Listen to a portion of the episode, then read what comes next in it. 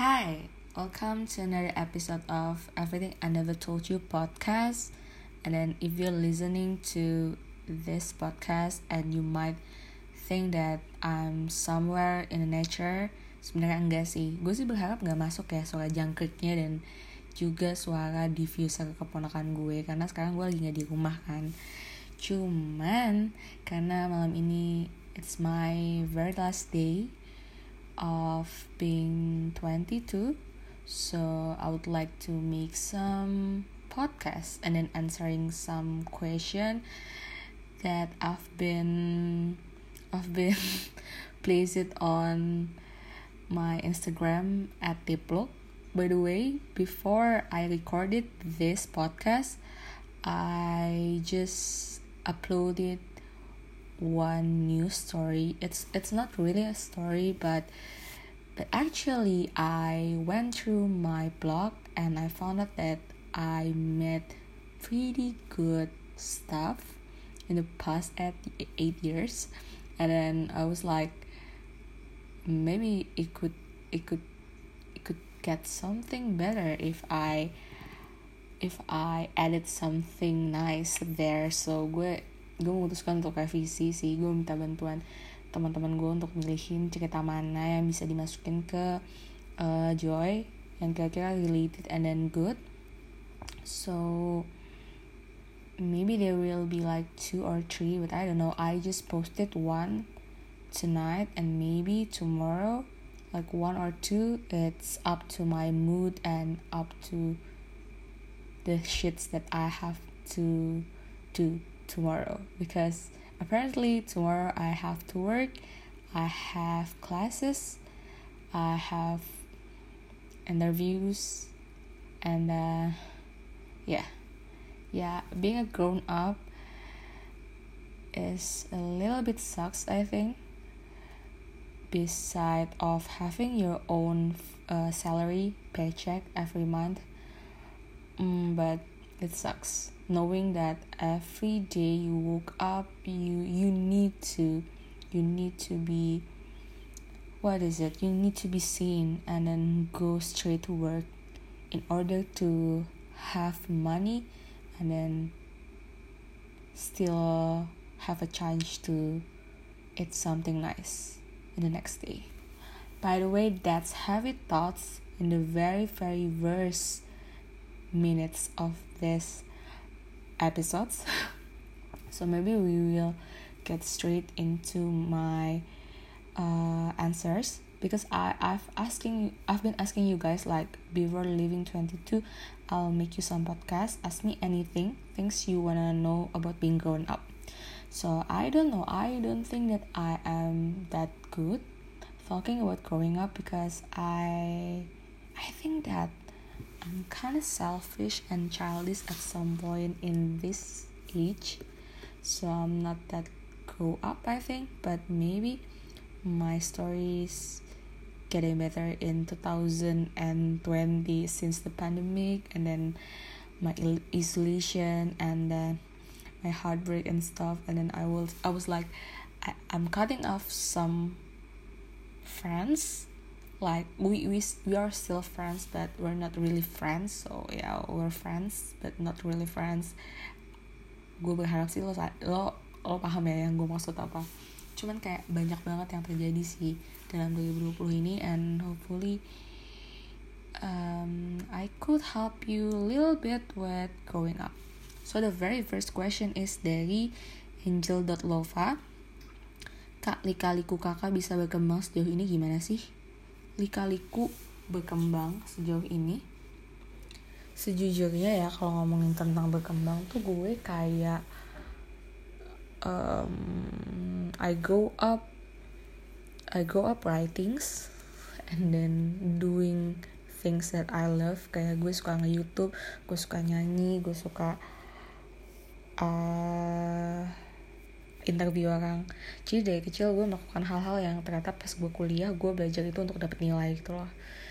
Jadi dari kecil gue udah dealing up with that kind of things dulu gitu loh. Jadi basicnya yang gue hadapin setiap hari ya apa yang sekarang gue lakuin untuk mendapatkan uang. Itu yang pertama dari sejak, sejak gue growing up.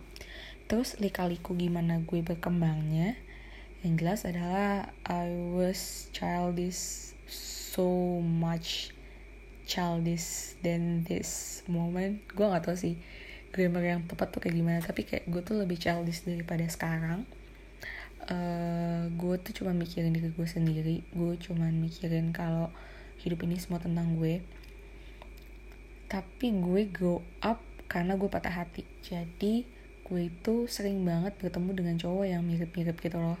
Kalau misalnya di tahun ini gue ketemu sama cowok yang tipe A nah tahun kedua itu dia masih A juga tapi ada improvement di B nya gitu loh. Dan gue setiap tahun dealing hal yang sama. Hampir selalu sama. Cowok-cowok yang gue temuin tuh sama sama sama. Tapi mereka benar-benar orang-orang yang ngebantu gue untuk nguatin mental gue, nguatin daya juang gue, berubah jadi lebih baik kayak gitu loh. Jadi kalau misalnya ngomongin tentang lika-liku, gue lebih kayak gimana gue berkembang ya ketika gue patah hati gitu loh.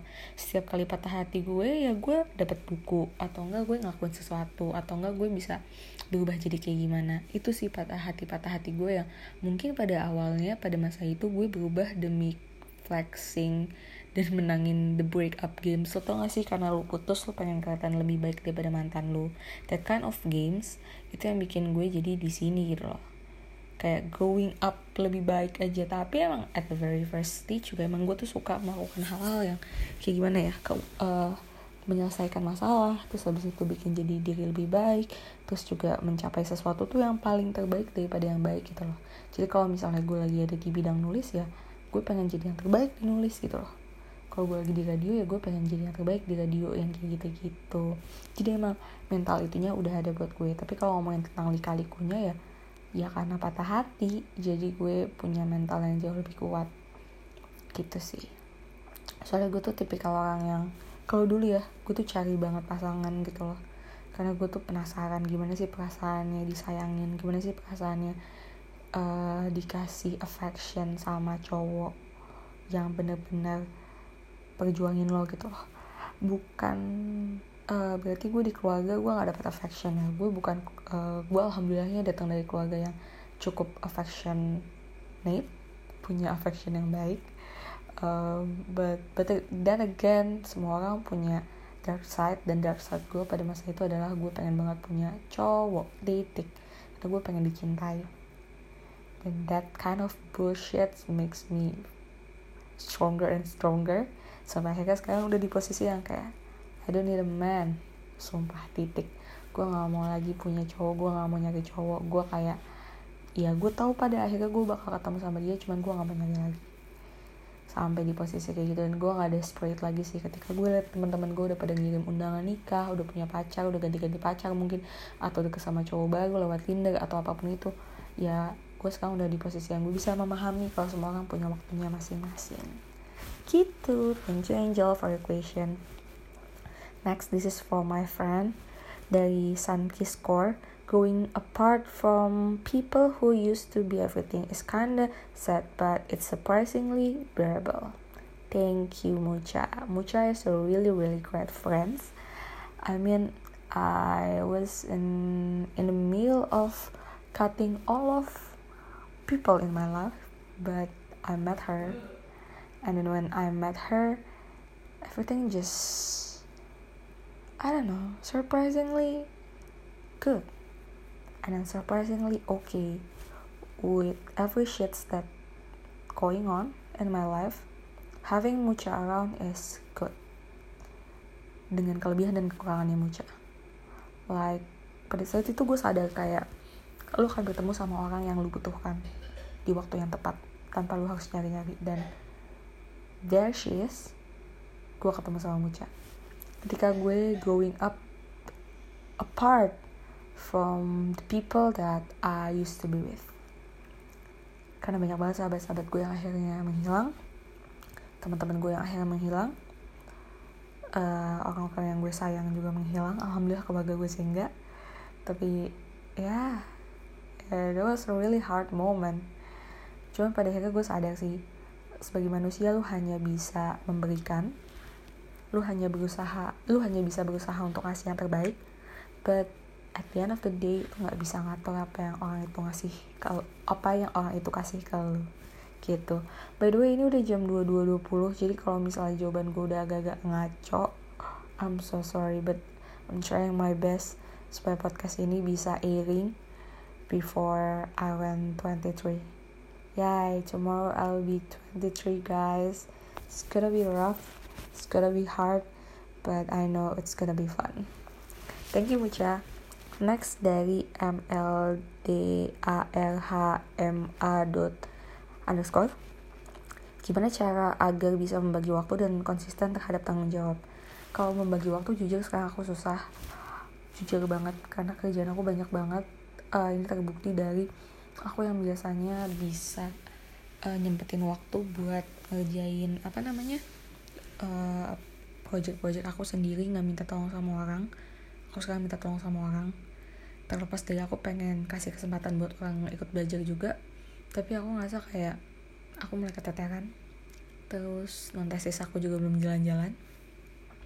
Aku lagi di fase yang gak bisa bagi waktu banget. I'm so sorry if you are disappointed hearing this because at some point people can mess up and fuck up too. So because I am human guys I'm not that perfect. You guys see me on social media and you guys what you guys see what I want you guys to see. You guys see that I'm that perfect but I'm not that perfect. So if you think that I have a really perfect schedule then I'm so sorry that you are wrong because I mess up but every day I have my own schedule. So to have a really great time kayak ngebagi-bagi waktunya and stuff aku selalu catat hari ini butuh apa apa yang harus dikerjain dan lain-lain. That really helps me out. Uh, gimana caranya konsisten terhadap tanggung jawab? Ingat aja bahwa nggak semua orang punya tanggung jawab yang sama dan nggak semua orang punya kesempatan yang sama. Jadi once you have one you need to work hard to prove that you are worth it. Yay, thank you. Next question. Dari Leciti. Kak Titi pernah gak sih sehari kayak sensitif banget rasanya? Moodnya berantakan. Kalau pernah biasanya apa yang dilakuin buat bikinnya buat bikin moodnya balik lagi? Thank you udah dijawab. Padahal Leci aku belum jawab loh tapi kamu udah bilang thank you. So I would like to say uh, anytime my pleasure. Kalau misalnya uh, dikasih omongan thank you jawabnya jangan you're welcome ya. Gue juga baru belajar kayak beberapa tahun terakhir sih. Bukan you're welcome kayak anytime my pleasure ternyata kayak gitu guys. So kalau misalnya aku lagi bad mood aku sering banget tiba-tiba bad mood nih seharian. Itu biasanya kalau nggak lagi hate bete aja gitu. Kadang kan orang-orang saks ya guys. Atau gue sendiri yang saks gitu. Bisa gue jauhin diri dari sosial media. Hari ini sumpah aku senang banget. Aku kan emang kerjanya banyak banget ya hari ini. Terus habis itu aku juga kayak ada ketemu sama sepupuku. Terus juga nonton kan sama dia kayak quality time. Terus habis itu nugas kerja meeting sampai sore. Nggak sempet buka sosmed lama gitu loh. And that really really great feeling I have in the past weeks. So maybe whenever you feel down and sad you need to get away from your social media. That's my very first um, saran tuh apa sih? Suggestion. Ya yeah, that's my very first suggestion. Jauhin diri dari social media. Yang kedua adalah kalau misalnya udah capek ya istirahat. Karena mood turunnya itu biasanya kalau nggak gara-gara lapar ya karena kurang tidur gitu deh. Biasanya tuh hati dan kepala yang berantakan itu ya karena sesuatu yang harusnya diisi malah nggak diisi gitu. Kayak misalnya energi energinya dalam segi tidur makan mandinya nggak benar gitu. Hal-hal yang kamu skip tuh kadang bikin diri kamu juga jadi jauh gitu dari hal-hal baik. That's what I learned in 2020 tiap kali mandinya males ya jadi males gitu ngapa-ngapain ya. Ya gak sih have you ever been there so the next question is dari Sin oh by the way thank you so much for the question selanjutnya dari Cynthia Lily Hai Lili, kenapa remaja sukanya labil? Aku sendiri gitu kak. Oh iya, sensian kalau dideketin orang waktu lagi meet time itu sebenarnya boleh gak sih kak? Pertanyaan pertama, kenapa uh, remaja itu labil? Benar-benar, kenapa ya pertanyaan lu ya? Ya gimana dong namanya juga masih remaja. Remaja itu adalah waktunya kamu growing up dan juga waktunya kamu punya hormon. Hormon kamu maksudnya hormon kamu tuh lagi meletup letup gitu loh. Lagi menyesuaikan diri sama tubuh kamu sendiri. Jadi emang hormonnya lagi uh, giat-giatnya banget untuk diproduksi. Dan apa emang dari segi mentalnya juga emang lagi apa ya lagi belajar gitu loh untuk beradaptasi lagi tadinya kecil tiba-tiba udah mulai ada tanggung jawab dan lain-lain jadi wajar kalau labil. Karena emang waktunya kamu labil dan kamu salah gitu loh. Jangan pernah nggak mau salah ya teman-teman. Karena kalau kamu nggak pernah salah kamu nggak pernah tahu yang benar kayak gimana. Dan benar itu nggak bisa cuman karena orang lain benar terus di kamu juga benar nggak kayak gitu. Karena hidup tuh lebih ke trial dan error sih menurut aku. Kalau yang berhasil di aku belum tentu berhasil di kamu gitu loh. Jadi jangan cuman kayak oh kak kayak gini jadi gue akan kayak gini terus gitu. Nggak bisa kayak gitu sih. Kayak lo lihat gue kayak gitu ya lo coba kalau ternyata gue nggak bisa ya lo coba hal yang lain gitu.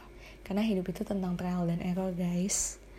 Dan untuk kenapa sensian terus gak apa-apa nggak kalau sensian menurut gue kenapa sensian? Ya pasti karena lu me time lu lagi pengen istirahat gitu it's fine banget.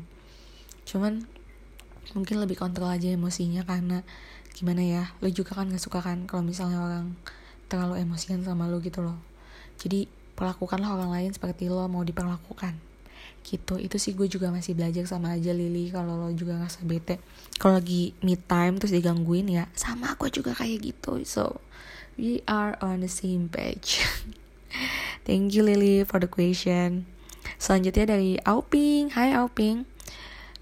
Just uh, this afternoon kayak gue habis ngobrol sama dia tentang uh, nulis teen fiction because uh, dia dia kan nulis teen fiction terus gue lagi belajar nulis teen fiction juga. So thank you so much ya buat hari ini mau sharing sharing sama gue Auping so pertanyaan dari Auping adalah gimana caranya berjuang ketika sudah berada di titik paling rendah? Ingat lagi kalau hasilnya itu ya buat kamu sendiri. Kalau kamu udah di titik paling rendah terus kamu nggak mulai lagi terus siapa yang akan nyelamatin diri kamu gitu loh. Kamu jangan pernah berharap orang lain nyelamatin diri kamu atau kamu jangan pernah berharap tiba-tiba ada pangeran berkuda terus bawa kamu ke istana gitu loh. Atau kamu jangan berharap kayak kamu bisa punya hidup yang langsung sempurna gitu loh kayak orang lain. Karena yang kamu lihat dari orang lain itu cuma hasil mungkin kamu ngeliat prosesnya gitu loh. Jadi kalau misalnya udah sampai di bawah ingat aja gitu kalau kamu berhenti ya itu siapa yang ngejalanin hidup kamu ya nggak jangan mikirin orang lain peduli atau enggak lah sama kamu. Ini kan hidup kamu. Sayang lah sama diri sendiri. Jadi usahalah buat diri sendiri. Ya nggak? Thank you for the question. Next dari kak Sky Ren Story. Katanya I love you pokoknya. I love you too. Terima kasih kak Sky Ren. Udah selalu ngebantu aku selalu ngedukung selalu baca cerita aku selalu banyak banget deh selalunya. Pokoknya ini kakak-kakak yang paling baik di Jualada makasih banyak kakak. Selanjutnya ada dari SCH Rijfer. Hai, ini orang kemarin habis marathon It Was Until It Wasn't Aku respect banget sih, parah banget. Thank you so much ya. Udah, uh, apa namanya? Marathon It Was Until It Wasn't Cepet banget loh bacanya Selanjutnya nih pertanyaan dari dia adalah salah nggak sih kalau jatuh cinta dengan sosok yang di dunia maya? Kalau gue sih jawab enggak ya, because I really, really, really falling in love with Eric Nam without, without meeting him. Like ini tanggal 2 Februari ini aku satu tahun kenal sama Eric dan dari pertama kali aku kenal sama Eric aja aku udah yang kayak bener-bener gue pengen punya suami kayak dia titik bodo amat. Dan karena gue tahu gue pengen punya suami kayak Eric Nam yang pekerja keras yang pintar dan lain-lain jadi gue harus berusaha keras untuk bisa kayak Eric Nam juga. Berat banget sih keinginan gue but ya namanya juga impian yang ngasih lo usahain aja. Tapi menurut gue gak ada yang salah untuk jatuh cinta sama orang dari dunia maya. Kalau misalnya untuk motivasi ya tapi kalau misalnya jatuh cinta as in jatuh cinta ketemu di Tinder dan lain-lain I couldn't say it it's right or wrong because gue nggak pernah dalam posisi itu. Tapi kalau lo nanya gue lebih prefer keadaan jatuh cinta seperti apa ya? Gue lebih prefer keadaan jatuh cinta yang ketemu secara langsung. Kita. Karena menurut gue kalau nggak ketemu secara langsung lo nggak pernah tahu gitu loh dia sebenarnya kayak gimana. Ya gak sih? Selanjutnya eh by the way thank you for the question. Selanjutnya adalah dari cookies x.cookies Hai cookies anak pramuka Dia ngomong lagi nggak pede dan banyak mikir negatif soal perkuliahan. Nah ini kayak yang aku sempat cerita sama cookies juga sih. Dan mungkin kalau teman-teman baru dengerin hari ini Saranku adalah ngambil kuliah itu jurusan yang kamu mau. Bukan cuma asal kuliah, serius. Karena kuliah itu adalah tempat di mana kamu belajar diri kamu sendiri.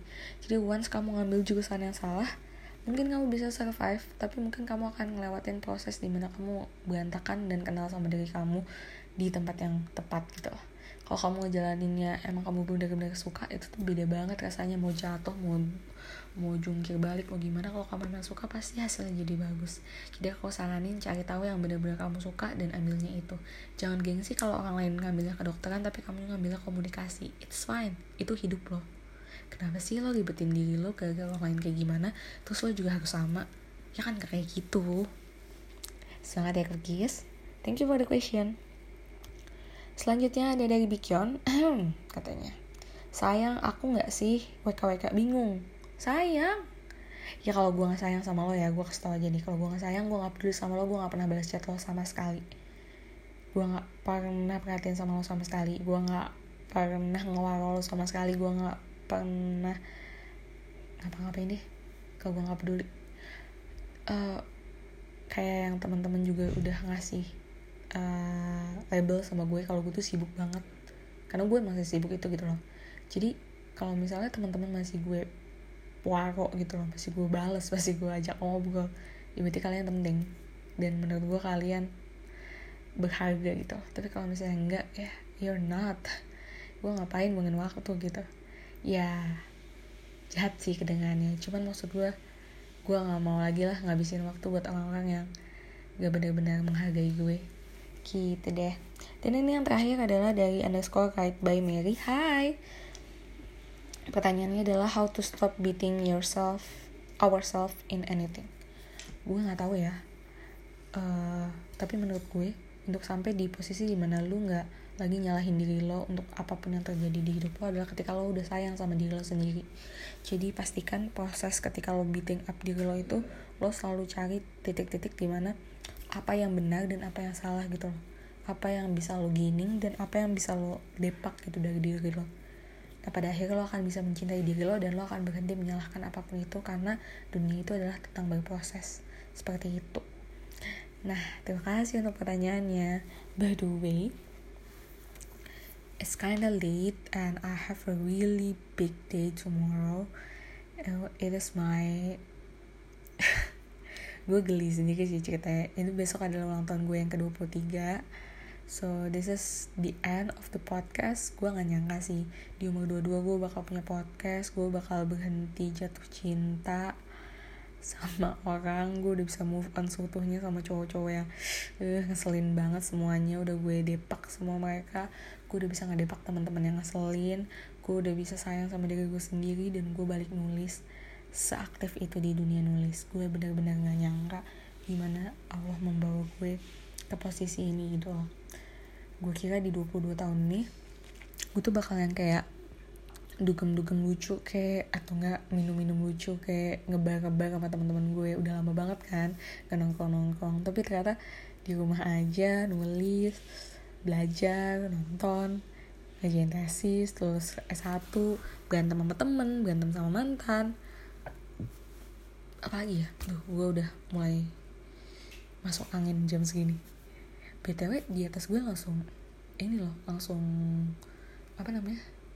Kok kulkas sih? Langsung AC jadi ini udah mulai kerasa dinginnya. Uh, intinya adalah di 22 tahun gue belajar melepaskan dan gue belajar mencintai diri gue sendiri.